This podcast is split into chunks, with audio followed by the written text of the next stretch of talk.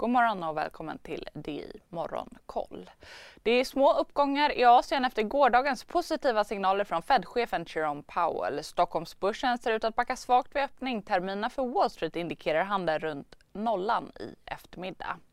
Moskvabörsen som varit stängd hela veckan kommer ha ett begränsat antal funktioner tillgängliga idag. Det skriver Reuters som hänvisar till ett uttalande från Rysslands centralbank.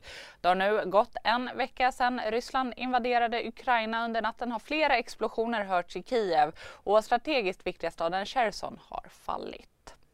Oljepriset det fortsätter att stiga kraftigt på grund av oro för utbudsstörningar till följd av Rysslands angrepp mot Ukraina. Brentoljan kostar 117 dollar per fat medan VTI-oljan kostar drygt 114 dollar fatet. Det är de högsta nivåerna för Brentoljan sedan 2013.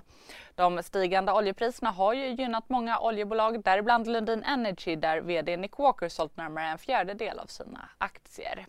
Under natten så har både Fitch och Moody's sänkt Rysslands kreditbetyg till skräpstatus. Fitch har sänkt sitt betyg med sex steg med negativa utsikter. Även Moody's ser möjliga utsikter för ytterligare nedgradering.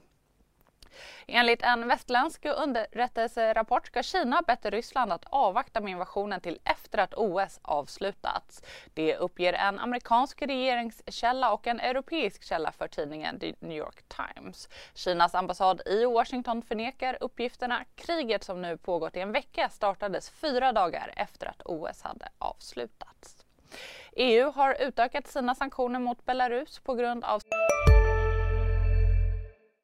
vi är specialister på det vi gör, precis som du. Därför försäkrar vi på Swedea bara småföretag, som ditt. För oss är små företag alltid större än stora och vår företagsförsäkring anpassar sig helt efter firmans förutsättningar. Gå in på swedea.se företag och jämför själv. Stödet till Rysslands krig mot Ukraina. Det är bland annat handel med stål, järn, trävaror och cement som begränsas eller förbjuds. Utökningen motsvarar 40% av EUs import från Belarus. Så till USA där Wall Street stärktes i takt med Federal Reserves chefs Jerome Powells tal i kongressen igår där han bland annat sa att Fed är redo att höja räntan i mars. I ett första skede ser han att en lämplig höjning är 25 punkter samtidigt som banken följer utvecklingen i Ukraina. Fed publicerade även sin regionala konjunkturrapport Beige Book igår där det konstaterades att landets ekonomiska aktivitet har ökat i en blygsam till måttlig takt sedan mitten av januari.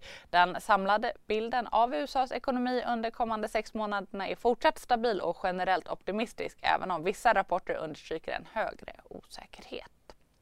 Kinas inköpschefsindex för tjänstesektorn sjönk till 50,2 i februari. Det sammanvägda indexet för industrin och tjänstesektorn var oförändrat 50,1 i februari jämfört med i januari.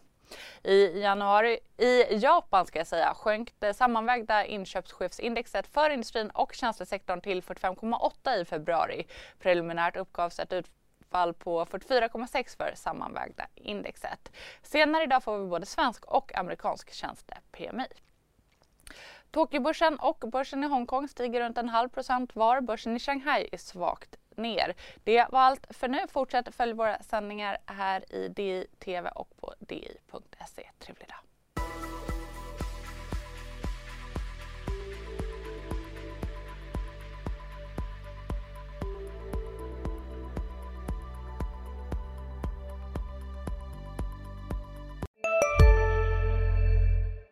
CSRD.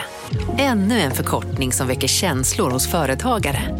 Men lugn, våra rådgivare här på PWC har koll på det som din verksamhet berörs av. Från hållbarhetslösningar och nya regelverk till affärsutveckling och ansvarsfulla AI-strategier. Välkommen till PWC. Hej, Synoptik här. Så här års är det extra viktigt att du skyddar dina ögon mot solens skadliga strålar. Därför får du just nu 50% på ett par solglasögon i din styrka när du köper glasögon hos oss på Synoptik.